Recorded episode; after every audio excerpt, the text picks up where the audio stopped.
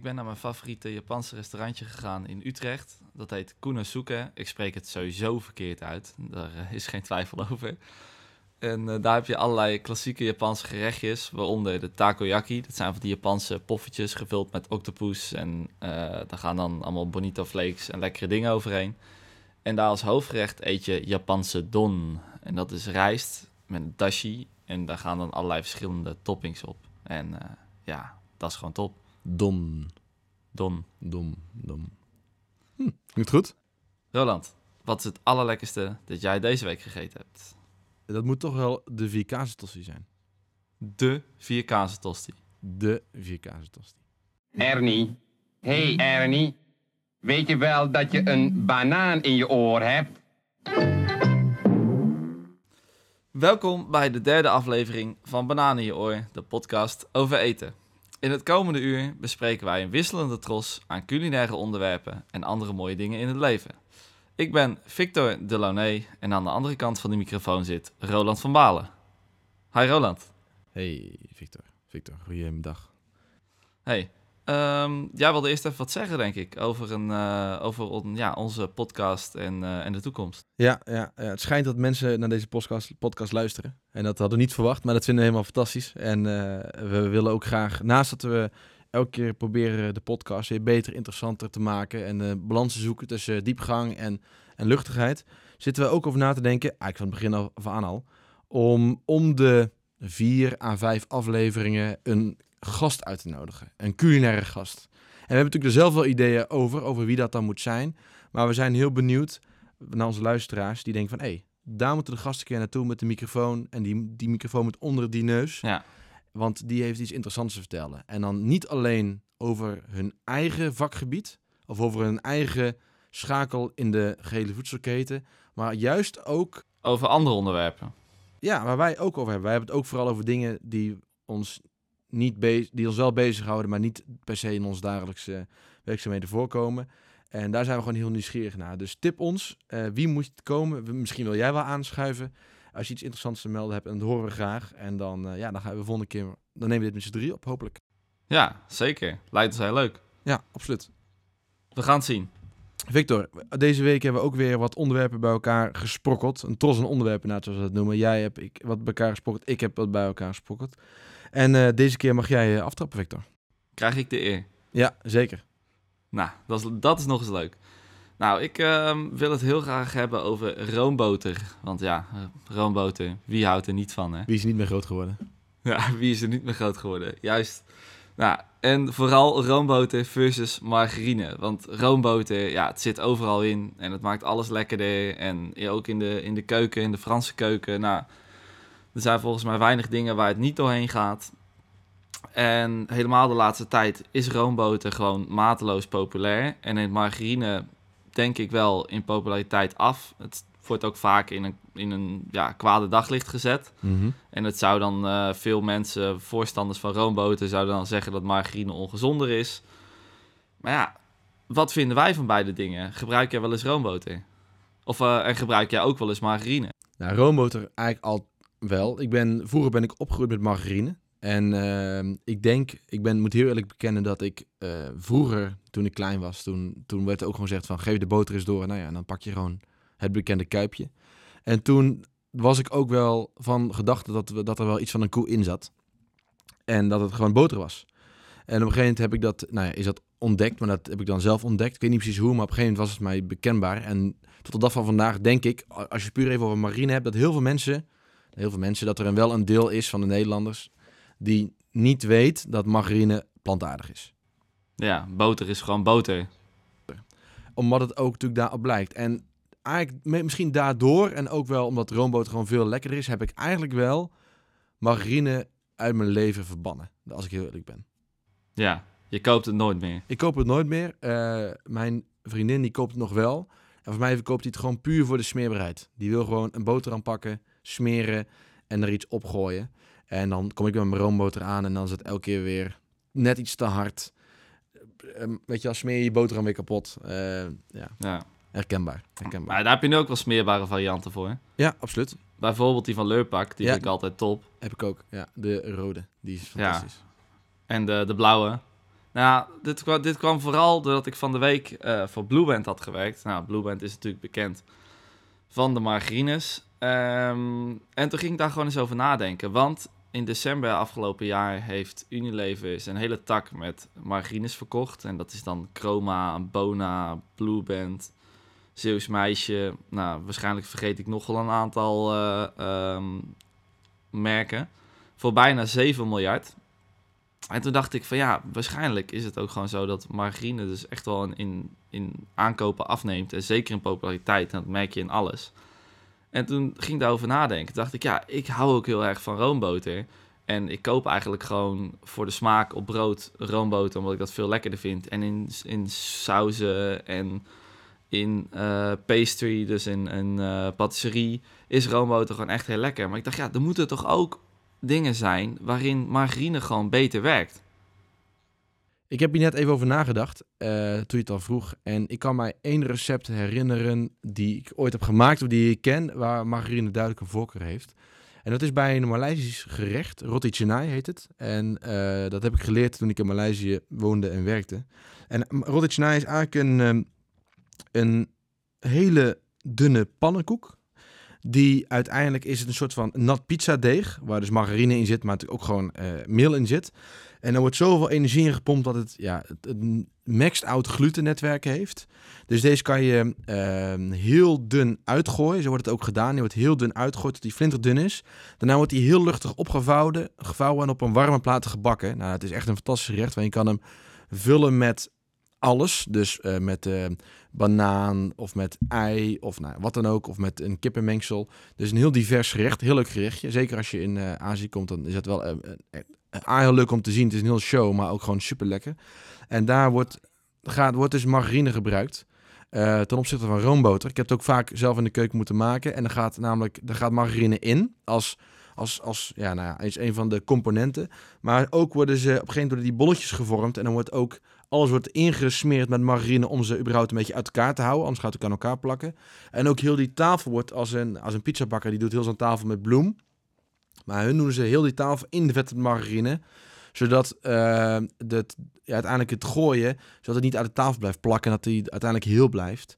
En volgens mij is het margarine, wordt dan twee dingen gebruikt. A, toch al om neutrale smaak.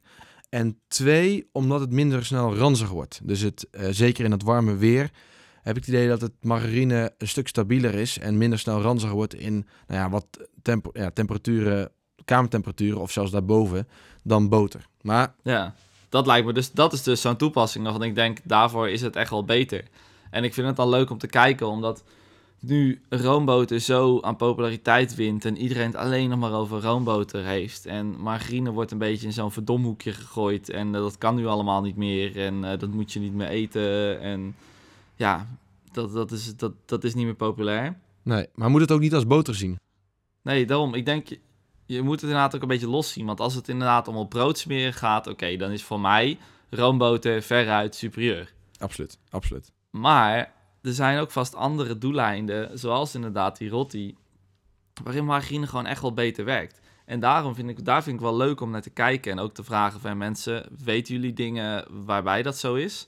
Want dan, je gebruikt al heel snel, ik al heel snel roomboter voor dingen. En misschien dat van sommige, bij sommige recepten of ehm, ja, handelingen, zoals bij het maken van die rotti, margarine gewoon veel beter werkt. Ja, het is natuurlijk wel jammer bij margarine dat, kijk, roomboter is in principe roomboter.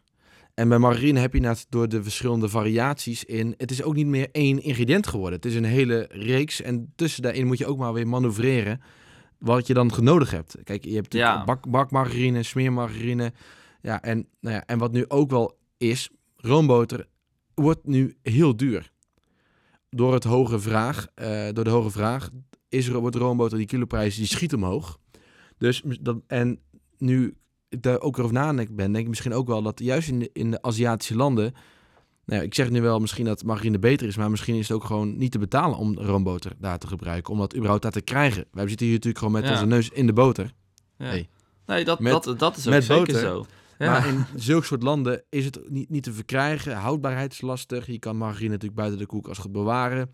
Dus ja, het is lastig waarom het dan daar gebruikt op wordt. En, ja, en, en, maar ik vraag me inderdaad af, en dat is wat huiswerk dat we meekrijgen, van of er nou misschien sommige dingen beter worden door margarine. En eh, dan, dan kunnen margarine ook weer eh, waarderen.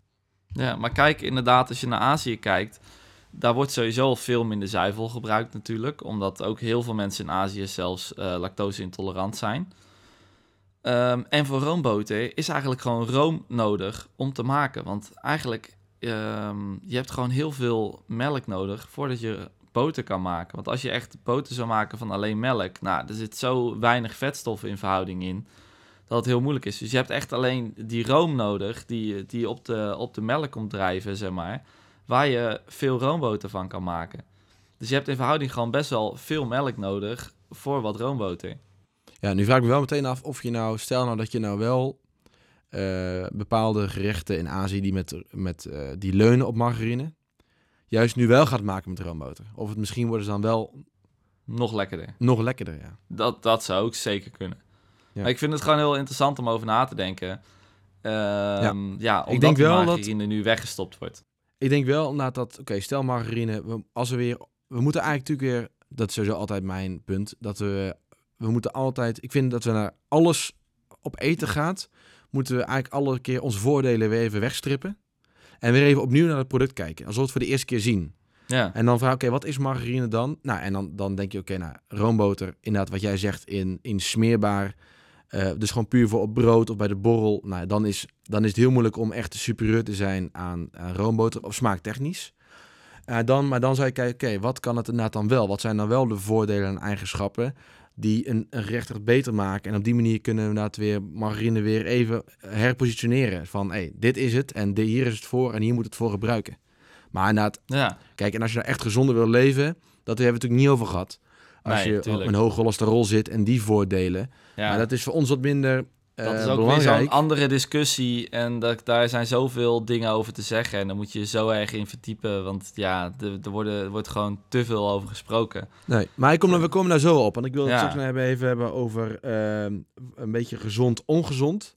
En eh, dat, dat, maar daar komen we straks wel verder Ja. op. Dan kan ik nu al wat zeggen dat ik vind, je moet niet alles proberen gezond te maken, maar je moet gezonde keuzes maken. En daardoor mag ook wel iets keer wat weer een beetje, het is een beetje het zondige en een beetje het, eh, het, het eh, ja, eh, daarna daar tegenover staat De weer een balans beetje vinden. het- ja, de balans, Ja, dat, dat, ja. dat zocht ik, ja. Dus, aan, maar, maar daar zit voor mij niks meer tussenin. Dus het is of gezond vet smaak, of het is gezond ehm, en dan een beetje daarop inleveren, maar niet een compromis sluiten door alles maar een beetje gezonder te maken en op die manier gezonder te, gezonder te leven Ja. in mijn opzichten. Ja, ik, ik kan dat ook niet. Als ik gezonder leef, dan moet ik niet in hoeven inleveren op smaak. Juist, ja. Of ja, maar dan of zeggen we nou weet je wat, dan ga ik maar alles afvlakken. Dan ga ik maar alles, al mijn boter vervangen door margarine of de halvarine zelfs. En dan ga ik al mijn kaas vervangen door 30 plus kaas. Zo kan je het ook leven, dat je van alles een beetje afsnoept. Maar dat is een hele andere discussie. Maar dat vind ik ook bij dit, dit wel waarom ik zeg van weet je wat, margarine op brood is voor mij gewoon een no-go. Want dan eet ik liever een- eens een keer wat minder brood met, oh, dan eet ik liever keer wat minder brood met roomboter dan nou, dat ik mijn roomboter helemaal weggooi. Ja, dan altijd margarine moeten ze versmeren. Ja, vind ik een hele goeie. Hey, en nog om als laatste af te sluiten. Jij vertelde laatst eh, ehm, dat je eigenlijk wel een beetje betrokken bent bij de margarine vanuit jouw Zeeuwse roots. Ja, nou ja, dat is wel altijd wel mooi. En ik, nu ik het weer vertel, dan ben, wil ik het eigenlijk ook weer opzoeken weer. Want eigenlijk moet dat gewoon natuurlijk groot aan mijn muur hangen. Mijn, eh nou, het Zeeuws meisje is wel bekend. Ik denk dat het onder de wat oudere generatie bekender is dan onder de nieuwe generatie. Ik weet nog oh, nee, of het bestaat. Is zeker weten, die is ook verkocht, Zeeuws meisje. Maar mijn oma was vroeger het Zeeuws meisje. Ja? Of zij, voor mij heeft zij nou, of zij nou op de, echt op de verpakking heeft gestaan, of dat er een soort van toen al marketingcampagne was met Zeeuwse meisjes, weet ik niet. Maar ik weet wel dat mijn oma is Zeeuws meisje geweest. Want mijn oma heeft in klededracht gelopen in Zoutelanden, waar zij eh, heeft gewoond, ja, jarenlang heel haar leven. En daar was zij op haar, ja, in haar jongere jaren, is, is er een keer een foto van haar gemaakt. En was zij het Zeeuwse meisje. Geniaal. Ja. Maar jullie zijn niet loaded met de verkoop eh, in december. Dat dan weer niet. ja. Nee, Jammer. ik, ik kan nog gemaild van maak even een biljetje over naar deze kant. Want wij hebben toch bijgedragen met, aan het, met familiesucces. Maar helaas, nee, dat was eh, dat ging, geen antwoord, geen antwoord. Maar ik ga het wel weer opzoeken. Ik heb het even opgeschreven. Want eigenlijk moet, ik- moet die print moet gewoon eh, ergens op kantoor komen te hangen. Dus ik vind het Ja. mooi. Sowieso. Leuk. Volgende onderwerp. Nou ja, over eh familiesucces gesproken. Eh, ja, als je mij een beetje volgt, en dat doen er heel weinig, en dat is ook helemaal terecht. Eh, maar dan weet je eh, dat wij, ik en mijn eh, compagnon, wij, ik heb een bedrijf, de Spijsbrouwerij, dus we wij zitten in een bos. En wij doen heel veel projecten, maar het grootste project komt nu, mogen wij nu pas naar buiten brengen. En daar zijn we heel trots op dat ik ook dat nu mag met jou mag vertellen en bespreken. We Primeur. hebben namelijk het, ja, niet helemaal. Ik denk als dit online komt, dan staat het internet er al vol mee, hopelijk. Maar wel even nu wel de achtergrond, want nu, dat kan nu even mooi verteld worden. Wij hebben namelijk, oké, toen ik, ik heb hiervoor in de horeca gewerkt, heel mijn leven. En nou, heel mijn leven vanaf mijn eh, vijftiende tot aan, eh, nou ja, tot aan heel, eh, tot kort recentelijk geleden. En daarna ben ik de opleiding Food Design Innovation gaan studeren en afgemaakt. Ik ken iemand die heeft dat niet gedaan. Oh, die zit er nog steeds op. Klopt. Die, de- Dat aan de andere kant eh, van de ken microfoon. Ik, ken ik ook iemand. Heel Ja. goed, hè? Nou, Maar- dat- laat, laten we dat er maar uit. Laat, laat, het daar maar niet, laat het daar maar niet over hebben. En ehm, eh, toen mijn idee was altijd al dat, ik weet niet waarom die droom vandaan kwam, maar ik had een soort van stip aan de horizon en die had mijn compagnon met mij, Peter. Wij wouden heel graag de Albert Heijn in. En waarom dat ooit ontstaan is, weet ik niet. Maar het leek mij gewoon heel vet om gewoon door de Albert Heijn te lopen. Want Albert Heijn is voor mij altijd de toonaangevende winkelier geweest op het gebied van eten. Omdat het, Ja. het is massa, het is vooruitstrevend. Het is Ja. toch van alle supermarkten wel ook degene die wel voor, De toch wel voor kwaliteit gaat. De grootste. Ehm, en ja, ik, ik dacht van hoe vet is het om dan daarheen te lopen en dan te zeggen, hé, hey, dit heb ik gemaakt. En dit kan Dat- iedereen dat- kopen. Bucketlist. Bucketlist. Dat bucketlist, ja. ja. Nou ja, dus daar zijn wij eh, twee jaar geleden zijn we daar aan begonnen ehm, eh, om dat te doen. Nou ja, en hoe doe je dat dan? Nou, we kunnen natuurlijk zelf niet produceren, dus we moeten een idee hebben en het moet verkopen. Nou, nou we hebben al een keer een heel traject inge- ingegaan. Ik vind het wel En- spannend wat er nu aan gaat komen. Ja, nou ja, en dat is mislukt. Dus we hebben al een keer zijn we hard ons, op ons bek gegaan, eh, want we hadden iets wat hebben gemaakt. En dat, is een, niet, dat ligt nog op de plank, maar we kregen maar niet gevonden iemand die dat wil produceren. En in één keer, toen kwam er in een bos twee tosti-restaurants erbij. Ja. Ik had nu even tromgeroffel in moeten starten Oh, eigenlijk natuurlijk. Maar maakt niet uit. Ga maar door. Er kwamen er twee tosti-restaurants erbij. En, toen en, en onze visie op, de, op, eh, op eten is, het begint in de horeca en het eindigt in de Albert Heijn. En daarna sterft het ook ergens in een bejaardenhuis. Maar eh, qua, qua trends, weet je als het daar ja, is, de dan trend is het wordt opgezet in de horeca. Ja, En dan pakt het door in de supermarkt naar het grote publiek. ja en, eh, uiteindelijk, en als het uiteindelijk alle kantines bereikt heeft, dan is het weer het einde van de cirkel. En eh, Nou, of het wordt onderdeel van het meubilair. Onderdeel van meubilair, juist. En wat het, het mooie aan een tosti is, is dat het, het is weer zo'n, het is een beetje weer een gin tonic. Dus het is een, een, een duidelijke categorie.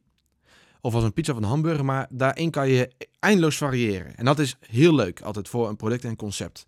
Dat heb je in de horeca gezien, dat met de hamburger, met eh, eh, nou ja, de, de, de pizza misschien wel, maar eh, wat nou noemen de gin en tonic in het, in het dranksegment. Misschien de cider wat minder, want dat is echt ingrediënt. Maar wat is nou, er zijn een paar van die dingen, een pasta, dat is een categorie en die kan je samenstellen. Nou, en toen dachten wij van, oké, waarom ligt er geen goede tosti in de supermarkt? Je hebt wel van Top King, dat is nu onze concurrent in één keer, maar in principe is het gewoon flut. Dat is een, een, een trieste boterham en als je hem open doet, zie jij precies een millimeter marge eh plak kazen liggen en een precies even grote worst, rete dun, pers twee verpakt in een kartonnetje. Nee, Ja. Tussen twee witte boterhammen. Juist. En, En toen dachten dat wij, is dan de tosti. dat is een tosti. Ja, Ja. En, die, is- en, hij, en, die, en mijn filosofie is van... niemand kan beter een ham-kaastosti maken dan, dan jezelf, weet je wel. Iedereen heeft ham in huis, iedereen heeft de kaas in huis, iedereen heeft brood in huis. Dus een ham-kaastosti moet iedereen zelf lekker maken. Maar stel nou dat wij een tosti maken die net daar overheen gaat... en die, die uit vijf, zes ingrediënten bestaat... die leuk is, die lekker is, maar niet te moeilijk is... en die we dan in de Albert Heijn kunnen leggen in het vriesvak... die dan vers belegd is... En daarmee Nederland ver- veroveren. En echt een beetje kwaliteit ja, in het vriesvak leggen. Nou, toen hebben wij de...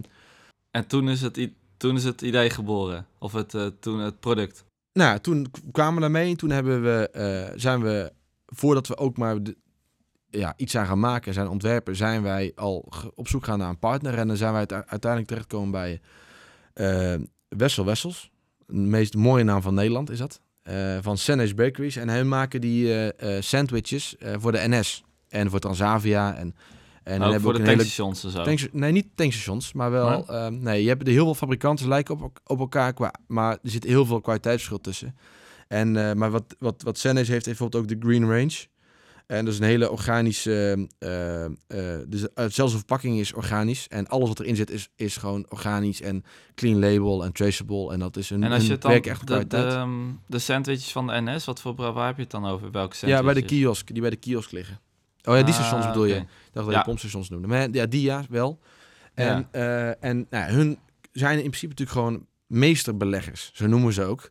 En hun zitten in Amsterdam en hebben fantastische leveranciers. En wij zijn met hun samen gaan. En nou, oké, kunnen we dit niet samen doen? Kunnen we niet samen dit oppakken? Ja. En zijn wij eigenlijk heel brutaal met een heel klein team zijn we dit gaan doen. Dus, we- en, en onze taak was dan, nou, we hebben, eh, naast dat wij natuurlijk de recepten eh, bedacht hebben en de samenstelling en de naam, hebben wij ook de complete verpakking in huis. Dus eigenlijk ik, eh, met, samen met Peter, hebben we dat ontwikkeld. Ja, van En- A tot Z. Van A tot Z. En daar hebben we alles mee gevallen. En uiteindelijk hebben we het afgelopen jaar daar hard aan gewerkt. En nu is het eindelijk zover. We komen nu dus nu met drie tosties in de Albert Heijn. Want we hebben En- Albert Heijn brutaal opgebeld. En we Ja. liggen daar nu. Ja, nou, gefeliciteerd. In een notendop. Ja, in de notendop. In een van, notendop, ja. Van 15 minuten. ja. Maar hoe heten ze? Het heet, nou, we hebben het eh, van het eerst was het idee dat we het fantastisch zouden noemen, want een, fantastische, een fantastische tosti. Maar het is, ik vind, al, we hebben gezegd we gaan ze per stuk verpakken, want dat vinden wij gewoon belangrijk dat, ze, dat je ze per stuk kan kopen, dat je niet meteen een drie moet kopen. Dus het is een fantosti. Ja. En het idee is gewoon, het is gewoon een fantastische tosti.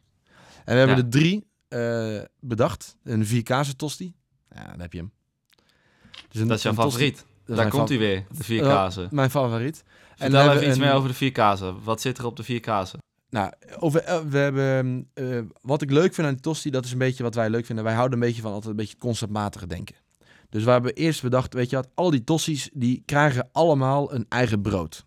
En dat brood, dat is geselecteerd op het, hoe wij, wat wij het beste vinden passen bij die tosti. Dus de vicase is, nee, nu ga ik het waarschijnlijk fout zeggen, maar is een speld eh, volgens mij. En dan hebben we nog een zuurdesem brood. En we hebben een maisbrood. En de mais zit bij de tonijn. Dat is, het, die, en dat, hebben, dat is onze vistosti. En we hebben een pepperoni, mozzarella tosti. En dat is onze vleestosti. En zoals wij het bedacht hebben, is eigenlijk elke tosti heeft een, een, een, een basislaag van een, een wat nou, een kruidigere tom, eh, tomatentapenade. Dus, eh, dus, en dat is, hebben we al een smaakvolle laag. En dan is die opgebouwd met, nou ja, wat zeg ik, vier ingrediënten per tosti. Daarbovenop nog. Dat uiteindelijk die tosti maken. Dus bij, een, eh, bij die vikazen hebben we eh, nou, eerst natuurlijk een pizza gepakt. En, en dat hebben we geprobeerd te vertalen, maar dat bleek heel moeilijk te zijn. Want die smaken die klopten dan niet. Want, maar we wouden toch wel interessant te maken. Dus wat hebben we nu gedaan?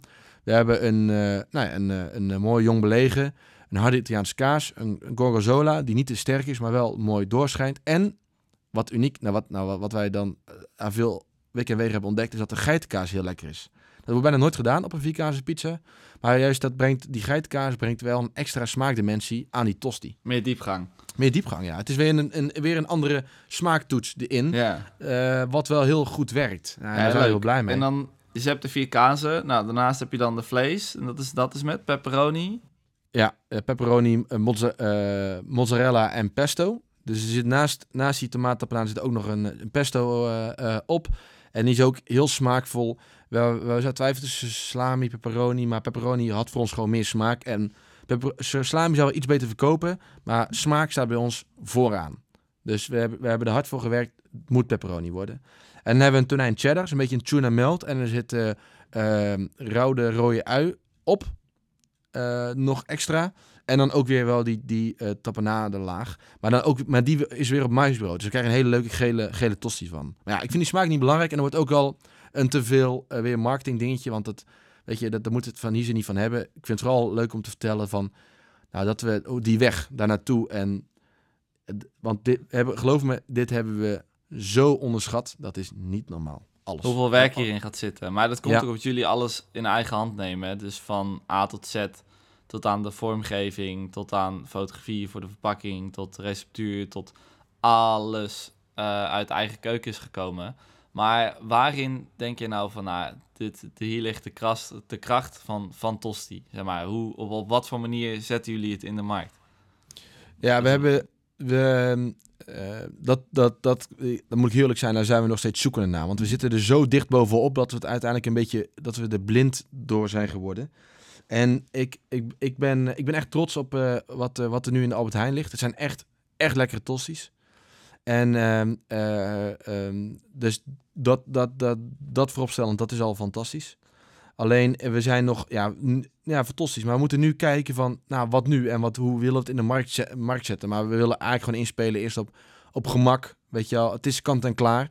Het is ook, wat ik net zeg, het is natuurlijk geen gezond product. Weet je wel, het is, een, het is een, echt een, een, een guilty een guilty product. Maar dat, dat is die tosti ook. Dus we hebben ook geprobeerd om die tosti niet gezond te maken. We hebben geprobeerd om die Hij moet gewoon lekker zijn. Gewoon lekker te maken. En Ja. in, in elk En als ik opzicht.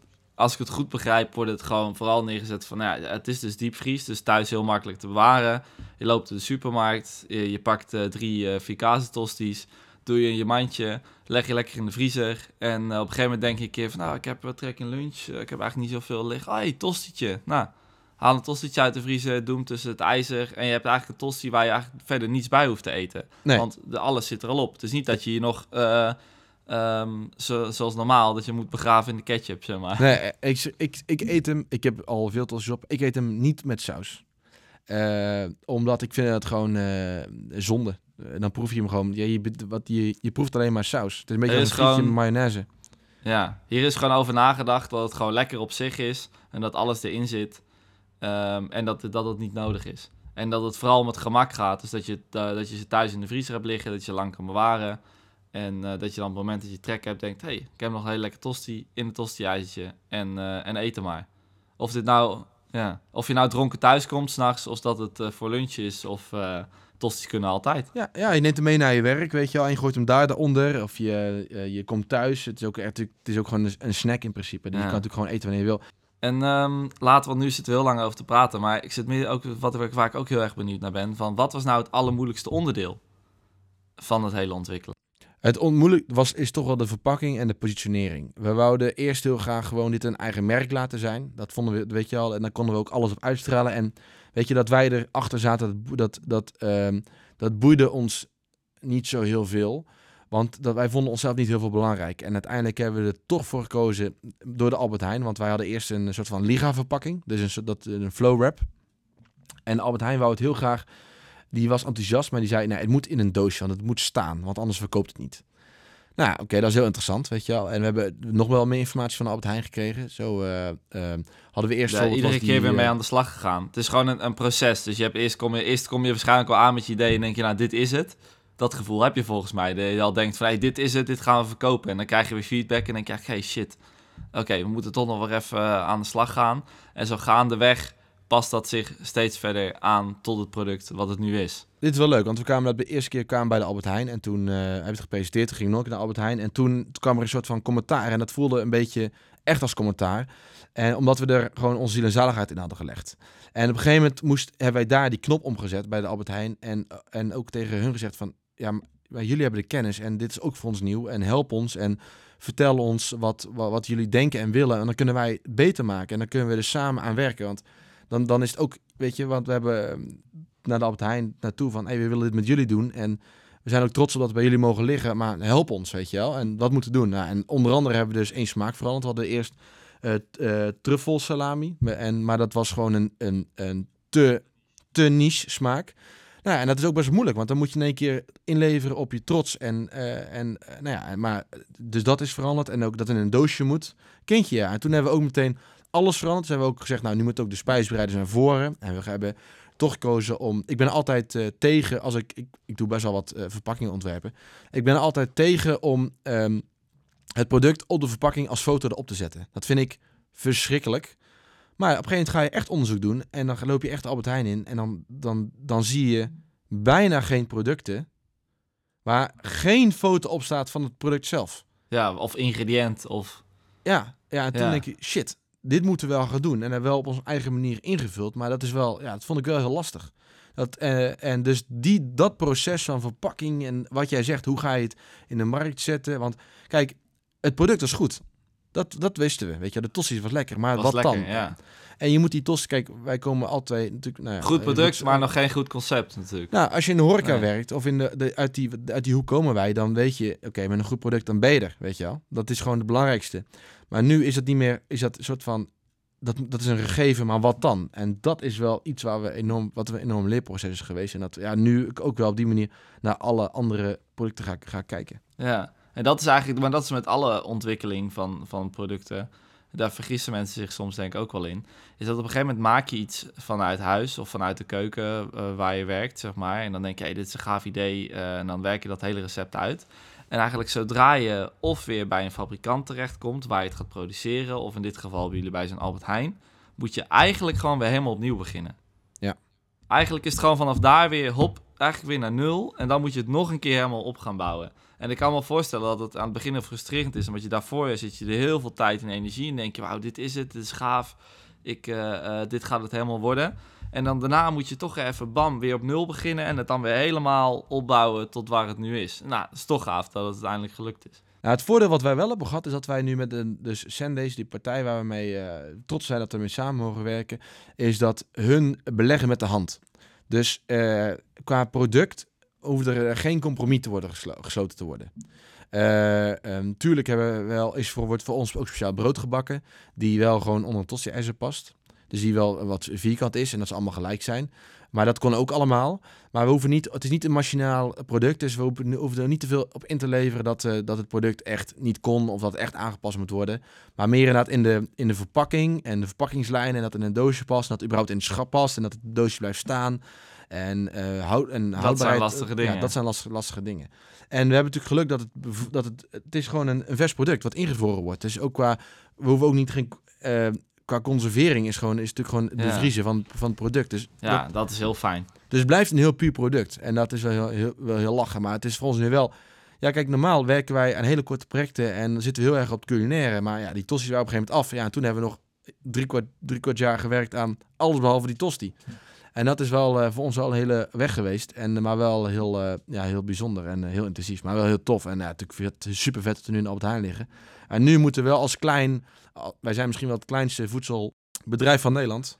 Ja, we zijn nu de- met de kleinste budgetten, dat weet ik heel zeker van heel de Albert Heijn.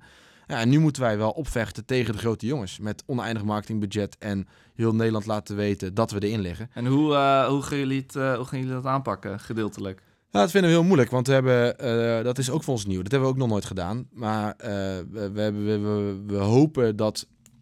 Nou, we, we gaan eh, deze week, wanneer deze podcast live komt, zijn we waarschijnlijk, zitten we nu in de auto. Gaan we rond en hebben we heel veel bloggers, vloggers, influencers benaderd. Maar niet foodies, want het is niet echt een foodiesproduct. Want die kan die heel weinig meer aan doen. Zo ik bedoel? Het is al klaar. Ja, ja, ja, het is een heel erg gemakproduct. Maar Ja, dat, dat hoeft toch, je hoeft ook niet altijd het product te hebben waar je nog heel veel aan wil doen. Nee, soms heb je er zin in, maar soms zit je ook gewoon op gemak te wachten en lekker en Ja, maar dat moet het ook zijn. simpel. Ja, niet te moeilijk. Het moet vooral niet te moeilijk product zijn. En dus we gaan dit bij heel veel mensen al, langs, maar ook bij hockeyers en bij eh, iedereen die wij tof vinden. En denk van, nou, misschien wil die dat delen met zijn netwerk. En dan hebben we een, eh, toffe box gemaakt eh, van Tossi Box. En er zit eh, een, een, een unieke snijplank in, een Tossi snijplank die we ontworpen hebben en wat andere toffe goodies. Nou ja, nogmaals, het moet, dit is absoluut geen marketingpraatje, want dat, eh, hier hebben we het niet van nodig, maar meer de achtergrond ervan. En gaan wij dus met dat daarmee langs. We hebben 100 boxen. En ja, hopen we daardoor op uiteindelijk een, een deuk in een, in een grote pak boter te slaan. Want Ja. we hebben geen, we hebben geen, marketing, geen marketingbudget. En nogmaals, alles wat we doen, doen we zelf. Maar het is wel, ik vind het wel heel interessant. En het is wel ja, iets wat we nooit gedaan hebben. Heel leuk. Het is een hele leuke uitdaging en eh, een bucketlist die je af kan strepen. En eigenlijk begint het hele avontuur nu pas echt. Juist, dat is dat. Is dat Ja. en we zijn helemaal, we zijn helemaal moe en kapot. Maar nu gaan, we- gaan we het pas aan beginnen. En Nu ja, we zijn, het, ja. En het is, eh, maar het is, ik wil, waarom ik dit ook nu vertel, ik, het is, ik vind het een heel interessante. Ik, had, ik had eigenlijk gehoopt dat iedereen, iemand tegen dit aan mij kon vertellen toen wij eraan begonnen waren. Hoe, hoe, dat, hoe het gelopen is en hoe wij uiteindelijk. Ik kan nog uren door, doorlullen hoe wij uiteindelijk bij de Albert Heijn binnen zijn gekomen. Maar dat moeten we niet doen. Dus uh, weten we horen, bel me op, eh, drink mij met een biertje, maar ik vertel het allemaal graag. Maar het is misschien wel even een leuk idee. Nou, zo wou ik dit vertellen, ik op ben dat uiteindelijk liggen. En een klein beetje op de achtergrond hoe het uiteindelijk gekomen is. En eh, ja, dat eigenlijk. Ja, ja. En nu dat nu het avontuur echt gaat beginnen, want nu, nu moeten rotaties zijn nu belangrijk. Ja, ja, precies. Hoeveel, hoeveel ga je verkopen per dag per winkel? En eh daar ben ik nog heel even benieu- benieuwd van. Zit er ook nog een, een bepaald termijn aan? Of dat eh, van nou, binnen ehm, zoveel jaar of maanden moet je een bepaalde rotatie halen? Of dat, dat, dat is niet van tevoren al vastgelegd?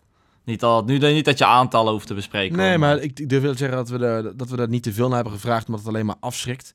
En sowieso, als je kijkt, oké, er is nog een één, één ding wat ik nog niet genoemd heb, en dat is, kijk, ik, ik haat geld. Dat is gewoon, dat, dat, en dit, is, dit gaat alleen maar om geld. In de vorm van marges, weet je wel, en hoeveel krijgt die, hoeveel krijgt die. En dat heb ik echt nog onderschat. En dat is echt, dat, daar, zijn, daar zijn, heb ik wakker van gelegen. Dat is dus, en dat soort dingen, op een gegeven moment ben je dit je, bent, je gaat elke keer uit van het slechtste, weet je wel. Dus je bent elke keer minimaal aan het rekenen. en Minimaal dit, minimaal dat. Stel dat het slecht gaat, stel dat het dat gaat, wat dan? Eh, om je risico's af te dekken. En uiteindelijk in je hoofd lukt het al niet meer. Weet je, dan gaat het al niet meer. Nee, Dus voor mezelf heb ik nu je gezegd, moet er gewoon maar ingaan en... eh, alles of niets, heb ik gezegd, weet je wel. Ik heb er, ik, we zeggen, dit is, dit is voor ons ook alle, dit is voor ons ook letterlijk een alles of niets project. Als het niet, als het niet lukt, dan zijn, is het klaar.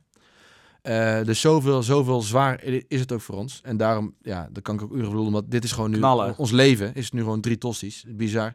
Dus wij, wij, wij, wij denken ook niet in rotatie. Wij moeten gewoon, die vriezer moet gewoon leeg, weet je wel. ja, Dat is gewoon ons doel. En minder dan dat doen we het niet voor. Omdat het er ook zoveel van afhangt. En dat is eigenlijk heel raar. Als je in één keer, als je als kleine, klein bureau wil meewerken met de grote jongens, dan moet je ook alles op niet zetten. En dat doen we nu. We gaan letterlijk al in. In eh, jaren aan voorbereiding en ervaring, hopelijk. En ja, het is alles niets, Victor.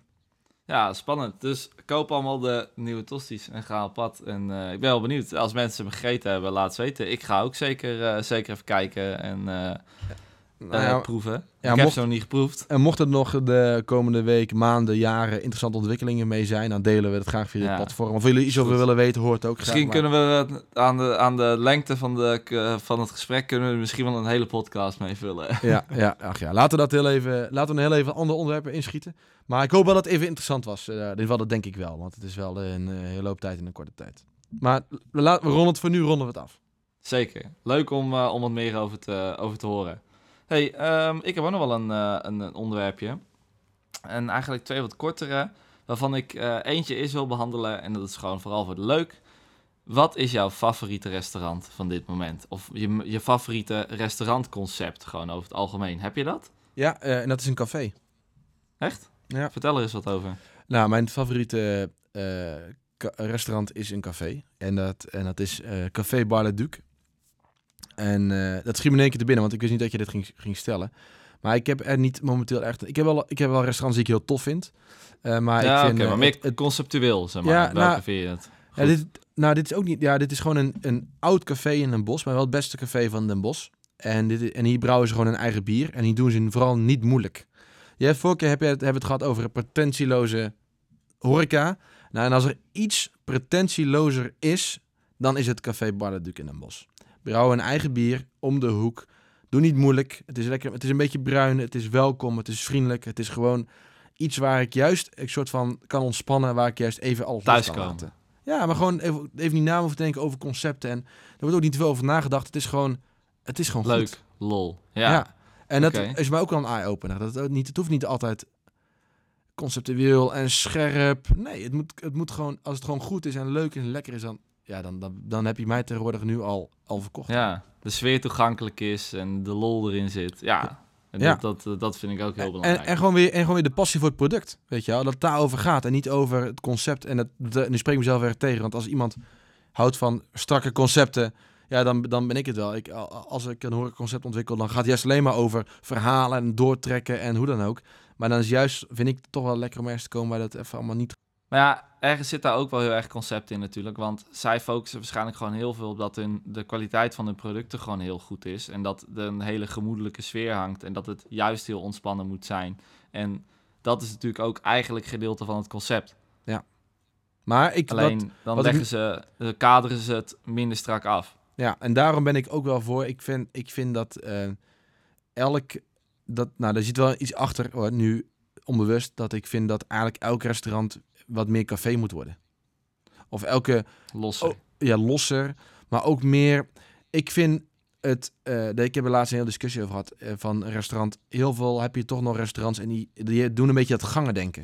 Heb je het ook eerder gehad of niet? Dat drie, Gangen denken. gangen denken, ja. Dus heel veel restaurants zitten nog van... Oké, je moet een drie, gangetje, drie gangen menu kunnen eten voor 750, weet je wel. Ja, En dat is een heel. En ik kan me niet meer herinneren dat ik ooit dat ik de afgelopen twee jaar ergens een meer, meer dan drie gangen of überhaupt gangen heb, heb gegeten in, in dat niveau waar ik dan door de week zit eten ga, weet je wel, of keer, ja zo'n zo'n soort eh, simpel eetcafé, bistrootje, waar je dan echt, echt Juist. alleen maar drie gangen eet voor Ja, prijs. Dus dat gangen denken, dat is dat moet sowieso losgelaten worden en daarbij hoort erbij dat ik wil, wat wil ik nou echt, weet je wel? Dus ik wil dat moeten restaurants zich sowieso en iedereen moet dat in het eten bezig moet zich afvragen, wat willen mensen nou echt, weet je wel? First principle. Ja.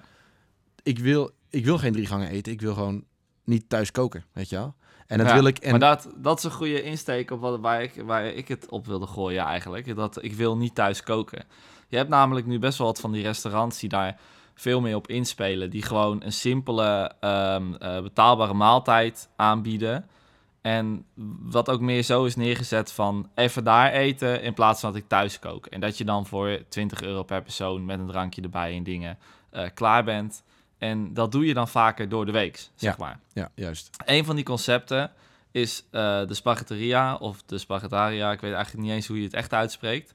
Ik weet niet, ken jij dat? Ja, ik heb ik, ik met jou een keer aan de telefoon overgehangen. Het was je lijnt enthousiast, dus ik eh, kom ja, op. omdat ik dat, dat concept is gewoon... Het zit in Amsterdam en het zit in Utrecht. En de pastas zijn, zijn lekker, verder. Maar dat concept is gewoon zo briljant. In, in meer in de zin van eh, financieel gezien ook, zeg maar. En hoe het in elkaar zit. Want ook in Utrecht en Amsterdam, het zit altijd vol. En de spaghetteria is eigenlijk gewoon ja, een pasta bar. Waarin je gewoon met lange tafels, eh waarin lange tafels staan. En langs het raam staan vaak tafels of banken. En je zit gewoon hutje-mutje naast elkaar. Paf, paf, paf, paf. Iedereen gezellig, knus, eh, een pastaatje te eten. Ze hebben vijf pasta's, één salade erbij eh, en eh, twee desserts, waarvan één een tiramisu is en één een eh, scroppino. En ehm, je hebt gewoon wat bediening lopen. En daarnaast hebben ze twee, drie wijnen, een bier, of het één, twee bieren en nog wat, wat simpele dingen. En heel super overzichtelijk, echt super overzichtelijk. En je hebt dus jongen, twee jongens die staan in de keuken en verder staan er wat gasten in bediening. En die hoeven alleen maar één bordje pasta neer te zetten, want de pasta is van 9,50 tot en met 15 euro. Kan je dan kiezen welke je wil. Nou, je zet er een drankje bij, je neemt er een salade bij, dat is dan wat rucola met radijs en pecorino. Er staan olijfolie en eh balsamico zijn op tafel, peperzout, alles wat je moet je zelf nog toevoegen. En het is gewoon zo simpel, want je kan iedereen eigenlijk in de bediening neerzetten. Af Van alle vestigingen, alles wordt vanuit een centraal eh, ehm, productie wordt het aangeleverd, waar ze alle pasta's maken en, eh, en dergelijke. Dus alles is, alles is afgekaderd gewoon. Ja, er is andersom En gedacht. is- er is eerst ja. gekeken naar, van, naar de behoefte letterlijk. En van, dus van, wat willen we? We willen een, iets toegankelijk neerzetten. Waarschijnlijk, ik denk, weet je wel, ik probeer dan even terug, met, terug te denken hoe dat dan ontstaan is. We willen iets creëren, inderdaad, eh, voor alternatief voor thuis eten. Hoe gaan we dat doen? Nou, we beginnen met lange tafels, zodat het al toegankelijk wordt, en dat het die sfeer al uitstraalt. Nou, en als pasta is daar goed al... eh, Maar weet je wat, dan moeten we wel met de prijs hierop inleveren en dan gaan we het centraal aansturen. Ja, geniaal, tuurlijk. Ja, dat, dat, want als je het uit business technisch bekijkt, is het zo geniaal. Want het concept is zo makkelijk uit te breiden, zeg maar. Van dit, want je hebt, je hebt je centrale eh, productie al. En eh, het is gewoon heel makkelijk hetzelfde. Super afgekaderde concept. Je kan iedereen met een beetje training daar neerzetten. Het is heel duidelijk. No nonsense. Ja, ik dacht, dit is gewoon, dit is eigenlijk is het gewoon een, zoals ik het zie, ik weet niet of het zo is, is het gewoon echt een geldmachine natuurlijk. Maar is het geen... Heb je een keer bij Happy Italy geweest? In je leven? Ja, Is het zoiets? of Niet? Ja, alleen die heb je dus, het is gewoon, ja, het is gewoon echt heel simpel dit. Ja, nog simpeler misschien. Dit is gewoon, ja, dus het is gewoon echt nog eenvoudiger. En de pastas zijn gewoon lekker, dat is natuurlijk het belangrijkste, want je hebt weinig om je achter te verbergen. Dus de pastas zijn ook wel echt goed. En eh, je berekent niet te veel af. En toen dacht ik, ja, met dit soort, zo'n idee, als je, ik denk heel vaak na over horecaconcepten en dergelijke. En denk je met zo'n idee, wat dus een pasta is dus heel toegankelijk, wat tot voorheen een paar jaar terug in Nederland helemaal niet was. Want je had dan wel je al de burgertent en de pizzatent en dat soort dingen. Dus zo'n ding wat iedereen lust, eh, waar iedereen wel wat mee heeft en ook door de week en op alledaagse dagen gegeten wordt. En wat zo simpel is en zo makkelijk uit te breiden. En ja, in dat, in dat opzicht dacht ik, dit is gewoon zo slim uitgedacht. Ja, ik kijk, die Italiaanse keuken leent zich hier eh, natuurlijk heel goed voor. En Ja. wat je zegt, een pizza is heel makkelijk om dat dan te doen, weet je wel. Bijvoorbeeld, je hebt, als je nou hebt over favoriete restaurants, een van mijn favoriete ra- restaurants in Den Bosch is Deeg. En dat is een Italiaans restaurant, maar niks daarvan is Italiaans. Dus je komt binnen en niks, geen Italiaanse sfeer. Gewoon modern, leuk. Ehm, ehm, mag nog iets meer van mij, wel qua aankleding, maar in principe is het al heel erg goed. Eh, en heel, heel toegankelijk. En je, bestelt, je hebt daar een pizza en dan kan je drie bodems kiezen. Dus een naturel, een volkoren en een speld volgens mij. En een hele verrassende pizza's, maar ook niet Italiaans georiënteerd. Gewoon even opnieuw gekeken naar, hé, wat kan een pizza zijn? Maar een paar pasta's. Nou, je, je eet een eh, pizza voor een tientje, glas wijn voor 6 euro en je bent klaar. Ja. En dat is Ja. natuurlijk een beetje dat, maar daarom, ik vind het heel leuk, maar wat zou eventueel nog andere keukens zijn waar, waar het hier geschikt voor kunnen Ja, zijn? daarom, daarom dat, dat was ik, vroeg ik me ook af. Van ja, wat voor onderdelen eh, zouden nou nog meer geschikt zijn om zo'n soort concept toe te passen? Je komt al heel snel op eh fastfood slash aan de andere kant de Italiaanse keuken is daar gewoon heel geschikt voor. En wat het gewoon bij heel veel mensen geliefd is. En wat voor, bij wat voor product zou je dat nou nog meer door kunnen zetten? Want voor ketenwise, zeg maar, uit, voor, eh, eh, om uit te breiden is een soort concept gewoon, ja, heel slim. Kijk, het voordeel weer aan een, eh, aan een pasta is weer, wat nu kom ik weer bij, kom ik weer bij de tosti, is weer zo'n conceptueel gerecht. Weet je wel? Dus je hebt een pasta, maar dan kan je, nou ja, Eindeloos Wel, mee variëren. eindeloos mee variëren. Dus het is wel altijd handig, pizza idem dito. Dus dat met eigenlijk heel de, heel de Italiaanse keuken. Dus de, je zou eigenlijk weer iets moeten vinden waarmee dat weer kan. En kijk, in Azië is dat heel makkelijk, weet je wel. Want Dan heb je de, eh de nassi's, weet je wel. Dan heb je, de, de- nou, dan heb je nog de curry's. eh, in, in, eh, in, dus je hebt er heel veel categorieën in waar je weer in, in kan variëren. Ja. Maar En in, uiteindelijk... in, in Vietnam had je bijvoorbeeld gewoon die spring rolls. Zoals wij, daar gaat gewoon alles tussen. Je gaat er gewoon aan een tafeltje zitten en soms heb je zelfs een barbecue'tje op tafel. En dan krijg je wat, eh wat buikspek en wat garnalen en wat andere dingen. En dan krijg je daarnaast allemaal verschillende groenten. Je krijgt wat dips, eh, wat rijstblaadjes. En die ga je gewoon lekker zelf vullen. Je, zet er een emmer, je krijgt een emmer met ijs en bier naast. Nou, daar vind ik dat geniaal. Maar ja, in zo'n Nederlandse setting is dat dan toch weer anders. Maar dat, dat, dat soort dingen ehm, zou je eigenlijk moeten vinden, ja. Van wat, wat is daar nou geschikt voor? Ik wil nou eigenlijk even dan overvloeien naar een onderwerp dat ik had opgeschreven. Ik wou het eigenlijk hebben over eh, hoe bepaal je wat je s'avonds eet. Nou, dat sluit natuurlijk hier enorm op aan. Want daar ben ik altijd benieuwd naar van, oké, mensen koken. eh, En dan gaan ze nadenken, wat ga ik vanavond eten? Weet je wel? En, nou, en dan hebben ze eh, altijd een paar, een, een x-aantal rechten in hun hoofd waar, ze uit kiezen. Weet je, dat moet zo gaan, toch? Als je dan, wat, dat je gaat soort van in je, in je boekenkast in je hoofd kijken Ja. van, wat kan ik maken? Weet je Je wel? bouwt een repertoire op. Ja, je bouwt eigenlijk er- gewoon. precies. Ja. Nou, en, en, en daar zit ook wel pas in. Dus misschien zou je ook kunnen kijken van, nou, wat zou de gemiddelde mens eten? En hoe kan ik daar dan een concept omheen bouwen? En dat dan gewoon, dat iedereen eigenlijk elke dag kan komen eten bij je. Met een, maar dan maar met, nou ja, 15 gerechten en dan gewoon klaar, weet je wel? En misschien een paar variaties, misschien een beetje met seizoen mee, maar dat, zo ik bedoel, dat... Ja, nee, zo daar, het moet gewoon zo'n heel alledaags ding zijn, maar wat je wel naar een iets luxere eh, ehm, variant eh, kan trekken. Want je hebt, kijk, je hebt de pasta en dan kan je mee variëren. Nou, dan heb je, wat, heb, wat, wat, heb je, wat eet jij nog meer thuis? Nu, gaan we een beetje, heel klein beetje een brugje maken naar dat, wat je Ja, s'avonds naar eet. jou- Wat, eet, wat ja. eet jij s'avonds thuis, wat eventueel hier geschikt zou voor kunnen zijn? Ja, om wat nu snel te bedenken is dat gewoon een hele lastige... Want ja, ik eet... Wat eet jij s'avonds? zo- Wat eet jij thuis? wat, ja, wat kook je ik heb thuis? Nooit, ik, ik kook heel vaak een pasta, maar dat komt omdat ik gewoon een machinepark heb staan met allerlei eh, professionele pastamachines die in allerlei soorten verse pasta's dat voor mij draaien eh, uit het niets en weet ik veel. Dus ik, ik maak dat soort dingen ook heel vaak en mijn, is het ook heel gevarieerd, zeg maar. Ik heb niet zo snel dat ik dingen heel vaak hetzelfde eet. Maar dat komt ook door mijn werk en doordat ik altijd met, met dat soort dingen bezig ben. Dus vanuit mijn oogpunt ben ik niet de standaard consument, zeg maar. Dus ik heb niet zo snel dat ik iets, iets heel snel, heel vaak eet. Victor, het heb is jij half iets zes. wat je nu al te binnen schiet? Het is half zes, zondagavond. Je vriendin zegt, Victor, eh, wat gaan we vanavond eten? De Albert Heijn is nog... De Albert Heijn. Ja, pastaatje. Ja, maar ik Eh. koop, dan, ik koop dan ook nooit verse pasta. Ik koop dan altijd gewoon een goede gedroogde, want eigenlijk is dat lekkerder. Stiekem. Ja, dat vind ik ook wel. Ik ben er wel teruggekomen. Ja. Ja. Ja. En liefst, ik vind eh, nee, linguine dan echt de lekkerste wel. Ja? Ja, ik vind, ben een beetje klaar met de dikke slierten eten. Maar het hangt ook een beetje van de saus af. Dat, zo ben ik ook wel. Het hangt van de saus af en wat voor, wat voor pasta ik eet ook. Wat, oké. Wat, voor, wat voor pasta zou je vandaag eh, koken? Ik? Ja, Ja, ik ben heel erg van vegetarische pasta's. Dus bijvoorbeeld met, eh met eh, cavolo nero of wat boerenkool en dan lekker wat anchovies. En dan wat hele goede eh parmezaan eroverheen. En dan gewoon heel... Ik hou van simpel... eh, ik, dat soort dingen, dat kook ik wel vaak. Gewoon heel simpel. En dan een aantal ingrediënten.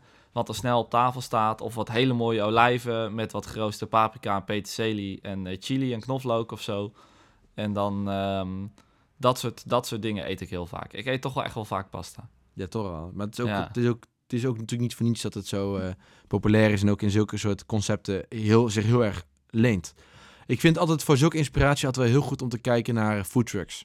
Want die hebben dat in principe al allemaal al bedacht. Van hoe kan je nou een product iets pakken en dat dan, ehm, dat dan soort van vermenigvuldigen en interessant maken en conceptueel trekken.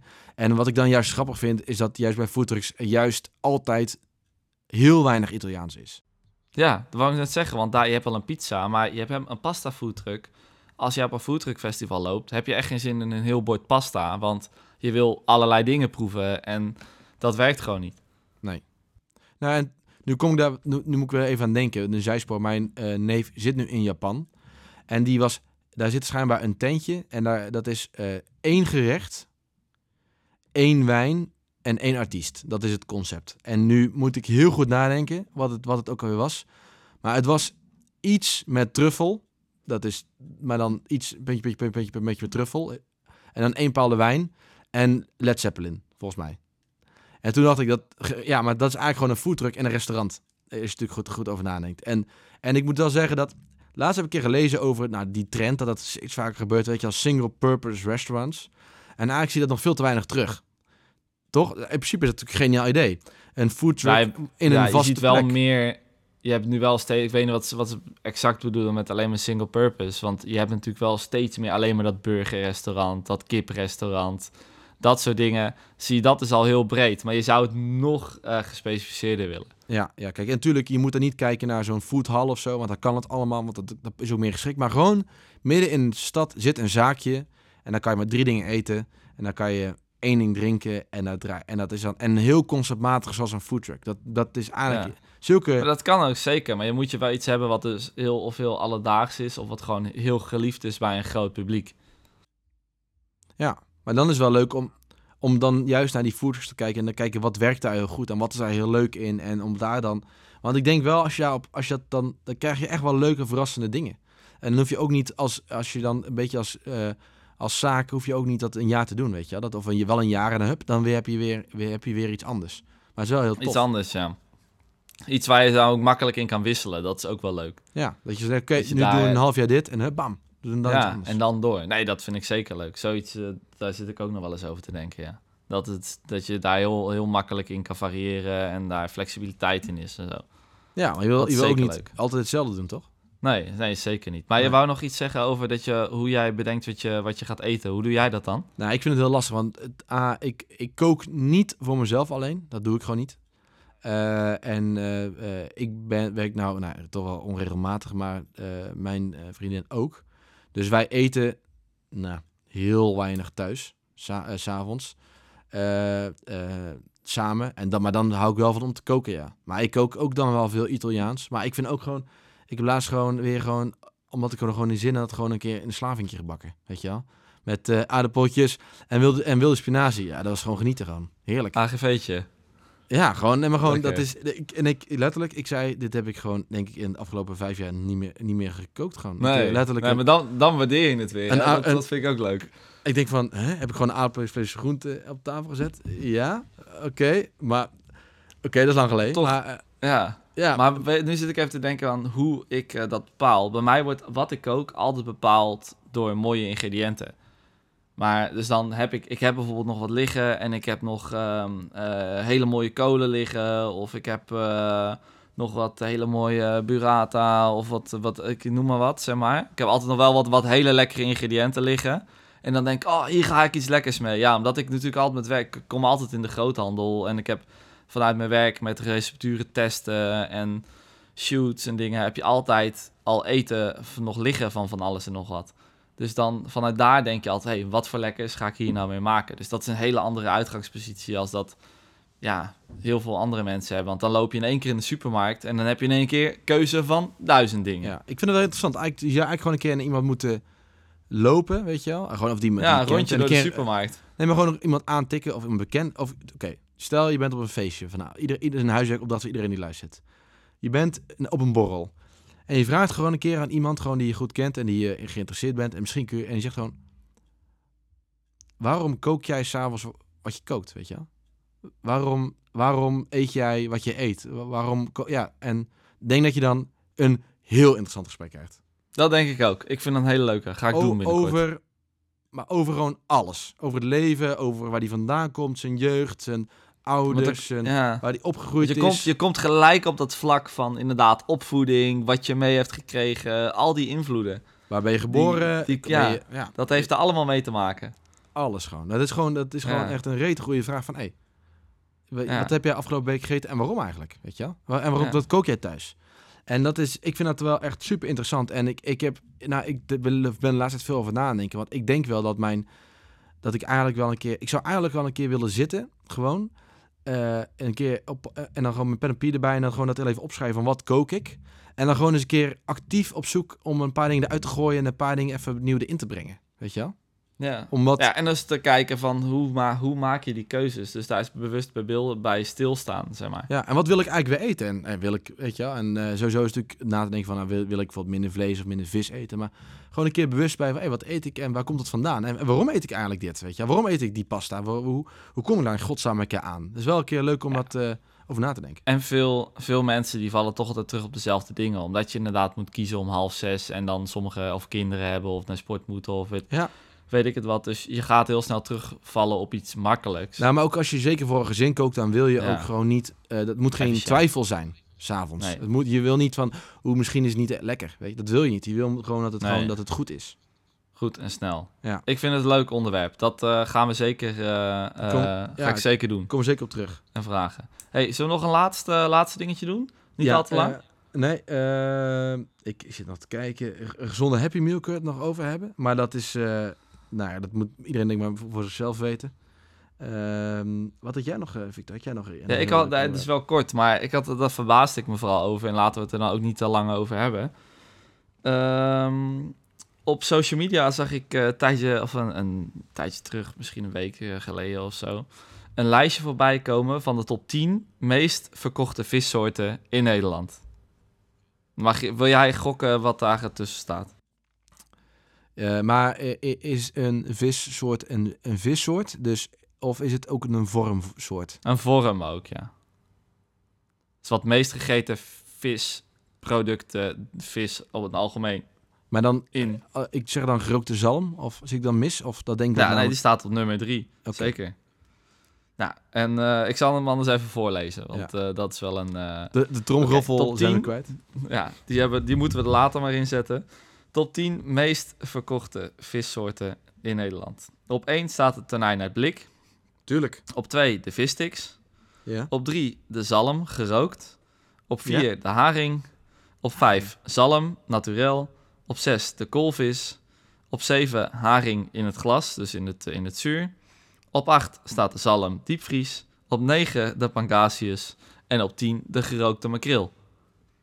Hm. En toen dacht ik vooral van... Jeetje jongen, waarom, waarom eten we eigenlijk nog zo weinig...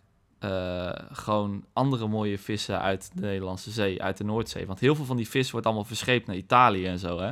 Ja. Alle ponen en noem het maar op. Maar er wordt gewoon nog steeds, ja, ook ik heb vroeger in de vis gewerkt. Nou jongen, zalm was niet aan te slepen. Elk weekend, helemaal aan aanbiedingen. Er gingen er gewoon duizenden kilo zalmfilet doorheen. Ik vind zalm Alleen maar en zalm, zalm, Ik- zalm. En dat- pangasius uit vind dat-. Ik vind het mooi over, om over zand te praten. Want ik, dat is precies weer wat we aan het begin van de podcast eh, bij kwamen. Met dat even dat weer. ehm, dat, al die vooroordelen weghalen. Want ik denk dat zalm is. ehm, ehm, is een mooier product. Dan dat misschien een beetje het culinair Nederland ernaar kijkt. Ja, want, Want, oké. Eh, heb jij ooit een keer ergens in een sterrenzaak zalm op de kaart zien staan? Ehm, ja, en wilde Alaska, maar verder geen, geen reguliere zalm, zeg maar. Nee, het is niet sexy of zo meer. Het is, het is, te, Nee. het is te gewoon geworden. Terwijl eigenlijk is Ja. het natuurlijk wel een, een, een zeer bijzondere vis. Als je kijkt naar... ehm, als je hem, als je hem, als je hem ehm, kijkt wat hij qua smaak is en wat hij doet en hoe onderscheidend hij is van het opzichte van alle andere vissoorten. Het is een zeer bijzonder product, die, de zalm. Wat je ermee kan. En geloof me, ik heb een, eh, dat weet ik nog uit mijn, eh, uit mijn hotelschooltijd. Toen hadden we een verse zalm. En die deden we toen eh lauw warm roken. En dan ook Ja, half rauw gerookt warm serveren. Nou, is dat is- lekker. Lekkerste vis wat ik ooit in mijn leven heb gegeten. Ab- dat is het zoveel smaak aan. Zoveel. Ja, dat was gewoon echt, echt fantastisch. En, en aan de andere kant, ik heb ook een keer natuurlijk echt wel een keer een mooie rol of een tarbot op. Dan weet je ook niet wat je proeft. Maar het is wel een. Ik vind altijd zalm eh, verdient wel meer dan dat het is. Ja, oké, dat is misschien wel goed. Misschien moeten we er ook gewoon meer zo naar kijken. Want ehm, doordat het zo verschrikkelijk veel verkocht wordt... en ik ook vroeger in de jaren dat ik in de vis heb gewerkt... zoveel zalm in mijn handen heb gehad. En ook fileren en schoonmaken. En dat je op een gegeven moment daar de, de liefde een beetje voor verliest, zeg maar. Dat je denkt, er zijn nog zoveel andere vissen. Maar zalm is ook heel lekker als je een, een hele mooie gerookte hebt. Of als je het. Dat is een ontzettend lekker visje. Maar het is meer van, er zijn nog zoveel andere eh, vissoorten die ook lekker zijn. Maar ja, mensen vallen daar toch snel op terug. Want zalm heeft gewoon best wel wat filet in verhouding tot graad, zeg maar. Dus je kan daar makkelijk filet van snijden zonder dat er een graadje in zit. Veel opbrengst. En eh, dat is gewoon geschikt ook, ook voor de, de meute, zeg maar. Voor de grotere eh, groep. Kijk, Vi- Victor, in het verleden hebben wij met elkaar vis gerookt. Heel veel vis gerookt. Heel veel, ja. En eh, Toen de hadden, ronde keukens. toen hadden we ook de discussie van, ja, graten. Mensen houden gewoon niet van graten. Mensen zijn... Nee. En, en, en aan de kant snap ik dat ook wel. Aan de andere kant vind ik dat ook wel jammer. Maar ehm, ja, hoe, het is... Je hebt heel weinig vis dat dan nog betaalbaar is. En dan groot genoeg is dat er weinig... Kijk, tonijn ook, idem dito. Je, je, dat, dat wordt... Ze- Kijk, Ja. al die vissen die populair zijn, zijn ook groot. En dus dan kan je ook inderdaad veel filet wegsnijden ten opzichte van de kop, waar we vorige o- over gehad. En die kleinere Ja. vissoorten die er veel zijn en die ook zeker bij ons in de zee zwemmen. Want een zeebaars is een relatief grote vis, maar dan nog heb je toch nog wel dat je de... Ja, Je koopt ook de niet meer gewoon zeebaars. Het is, nee, Het en het is is gewoon gewoon duur. duur. Dat is ook zo. Zeker. Maar de, ik denk dat het ook in Nederland gewoon nog te weinig aanbod in is, zeg maar. Want heel veel Ja. van die vis gaat dus naar Italië en zo. Maar als je gewoon als normale consument hele mooie verse vis wil kopen... Nou, waar moet je heen? Ja, dat, nou, dat wou ik dat exact is ook zeggen. het, van, het punt. Oké, stel je wil het. Hoe dan, weet je wel? Ja, hoe dan? Hoe kom je erbij? En dat is weer logisch, want vis gaat gewoon enorm snel achteruit. Het moment Ja. dat hij dat die dood is en hij heeft zijn eh, hij heeft, hij is lijkt stijfheid gehad en daarna is hij weer slap. Ja. Vanaf dat moment wordt hij minder. Maar daar heb je ook, ook sommige eh, Italianen, Spanjaarden en zo die hier wonen. Die lopen daar ook soms tegenaan. Want die hebben zoiets van, ja, de, er komt hier allemaal vis vandaan. Maar je kan heel moeilijk aan echt hele mooie verse vis kopen. Want daar is natuurlijk gewoon, heb je vaak de lokale visser. Die verkoopt het dan zelf op zijn marktje. En dan heb je het knijtervers, eh, eh, heb je het binnen, zeg maar. En hier is het gewoon toch nog best wel lastig voor de consument. Want ook bij visboer, kleinere visboeren. Je hebt wel in de grote of in de stad, in Utrecht en Amsterdam heb je markten en daar staan de visboeren en die hebben heel veel liggen en die doorloop is, is snel. Maar ook bij, vooral bij de kleinere visboeren hebben gewoon een heel beperkt assortiment. En die doorloopsnelheid is gewoon niet heel snel. Nee, Zelfs hebben bij de groothandel is dat soms nog een probleem. ook- ik heb ook al Dus het idee dat ze te nou- veel vis hebben. Dus gewoon ze moeten, ik denk ook gewoon, eigenlijk moet er gewoon een visboer zijn die gewoon kijkt van, wat is er nu in het vangseizoen? Wat komt er uit de buurt? Wat is er nou veel van? En dat verkoop ik. In ja, plaats zo, van, maar zo wil ik ook naar de visboer Want- gaan. Als ik, naar, als ik ga kopen bij de visboer, ga ik, dus altijd gaat het naar de groothandel of dan naar de, soms naar de markten. Dan wil ik, ik ga er nooit heen en ik ga zeggen, en ik zeg, ik ga nu zalm kopen of ik ga nu een tarbot kopen of ik ga, dat doe ik nooit. Terwijl ik dat bij vlees of, of bij groente of zo, nou, vaak bij wel doe, maar niet bij, altijd. bij, bij er vlees kan altijd- het ook. Want dat is Ja. gewoon heel lang goed en het moet ook gewoon een heel even liggen. Dus het kan, en dat is meestal ook natuurlijk gewoon eh, niet wild. Dus Nee. dat kan ook gewoon. Maar bij vis Bij- is het net gewoon lastig. dan ga ik erheen en dan denk ik gewoon, oké, wat is op dit moment heel mooi? Wat is het echt het, mooi, het meest verse? En wat is in het seizoen? En wat is voor een leuke prijs? En dat neem ik mee. Maar dat is gewoon heel moeilijk voor andere consumenten, denk ik. Ik denk dat dat, dat is wel jammer. Ik denk wel dat ik het zo keer over hebben over al die ambachtelijke. Dat was ook het idee om een keer daarover te hebben over slagers, over vissers, over. Nou, hè. En toen, eh, maar inderdaad een, een soort van een nieuwe visboer 2.0, die dus ook, die dus A, minder vis heeft, die zich daardoor ook aan meer kan richten op de vissen die dan er zijn op dat moment.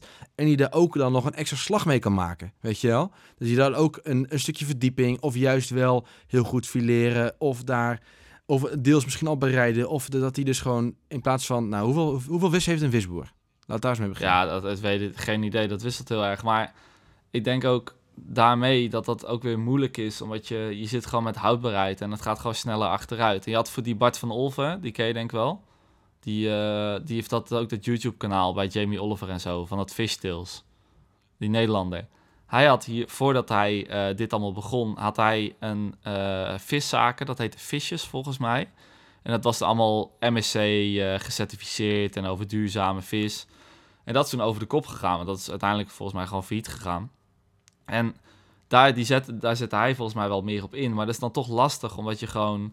Het is een soort strijd tussen doorloopsnelheid en, en verse aanvoer. En dat is toch een, een moeilijk, moeilijk eh, principe. Ja, ja nee, ben, daar, ben ik het mee, daar ben ik het mee eens. Vis is gewoon een lastig product en dat is eigenlijk al jarenlang. En dat is ook in de horeca, omdat het ook, het is ook gewoon een, een relatief duur product voor wat je krijgt.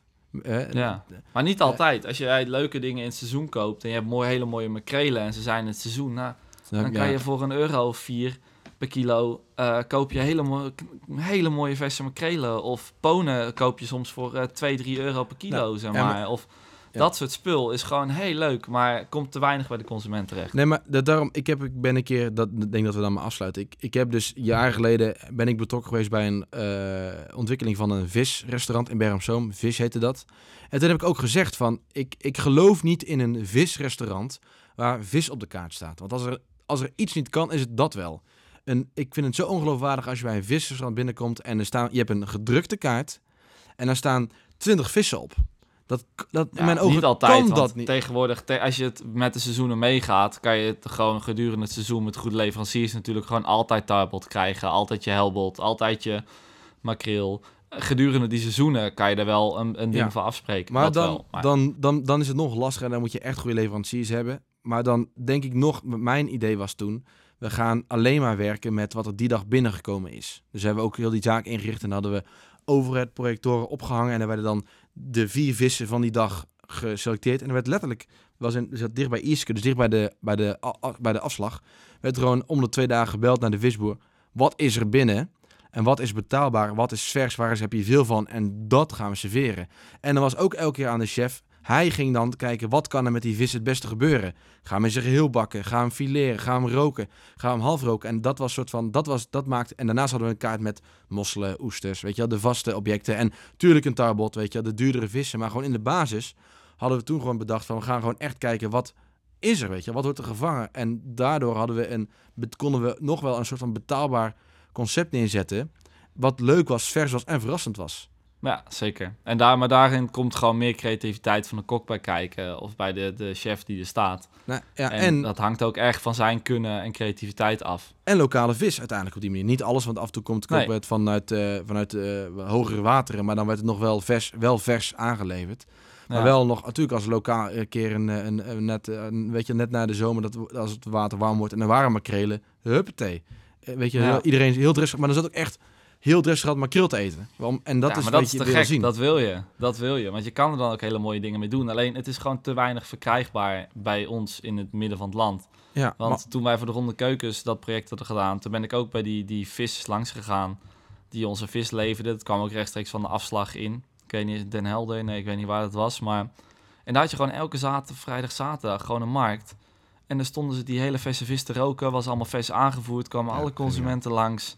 Nou, kocht je voor een heerlijke prijs, kocht je, kocht je Noordzeekreeften, tarbotten, tot aan langustines, al het mooie spul, jongen. En dan denk je, oh jee, dat zou, je zo, zou ik ook zo graag dichter bij huis willen. Maar hoe Maar mooi zou het zijn als je gewoon een, een, een, een winkel hebt of, een, of een, een samenstelling en je hebt gewoon een, een groenteboer en die verkoopt niks anders dan groenten uit, nou ja, uit, eh, uit, uit luxe, uit, eh, nou ja, een beetje eh, Ja. ons deel van Europa, weet je wel. Ik vind dat, ja, En niks anders. En hij zegt gewoon nee. En er zit er gewoon een, een visboer en die zegt, ja, ik heb gewoon alleen maar wat niet wat vers is en wat in de buurt komt en, en eh, weet je wel, en wat er, eh, wat er nu goed is en, en ook gewoon verantwoordelijk is om te vangen. Daarnaast heb je nog een slager die ook niet te veel producten heeft, maar die er ook gewoon voor kwaliteit gaat. En dat je gewoon naartoe gaat en dan dat je daardoor het eten bepaalt. Weet je, dat hun bepalen wat jij eet in plaats van dat hun maar proberen alles in huis te halen. Want dat is ook gewoon Ja, ouderwets. dat vind ik ook. Vind ik een betere, betere gedachtegang. Maar ik vind dat ook een leuk eh, ding voor gasten uitnodigen. Een keer een slager, een groenteboer. Dat soort dingen. Ja, Kijk, een keer joh, vertellen over die gedachtegang. Ja. eh, wat erachter zit. Onze meningen daarover eh, laten gaan. En ehm, ja, vond het leuk. Laten we hem afsluiten, Roland. Ja, Victor, dan rest me niks anders om nog een keer de oproep Ja. te doen om eh, slagers, bakkers, vissers, maar ook mensen nog in de, in de nou ja, ik denk dat we wel een goed beeld hebben waar het over gaat. Als mensen nu nog luisteren, laat een eh, review achter op eh, iTunes, want dan staan we. En dat helpt ons ook weer. Eh, deel dit, deze podcast met al je culinaire vrienden. Tips erop van, hé hey jongens, ik heb nou iets ontdekt. ze zijn af en toe lullen nog te lang door of gaat niet diep genoeg, maar geloof me, dat komt al goed. Mail Ja. ons. eh, willen suggesties. door. Ja, we horen het heel graag. En ja, we maken deze podcast vo- vooral voor onszelf. Maar ook zeker voor de luisteraars. En we hopen dat iedereen het tof vindt. En eh, dan eh, gaan we weer opnemen. En hopelijk, maar dat kunnen we niet beloven, volgende keer met een gast. Maar anders sowieso daarna met een gast. Maar binnen Ja. nu en twee afleveringen. We gaan werken aan de gasten. Goed. Victor, dan Hey. eh, wens ik jou succes. En eh, dan spreken we elkaar snel weer. Spreek snel, jongen. Oké. Later. hoi. hoi. hoi. Haal die banaan nooit uit je oor!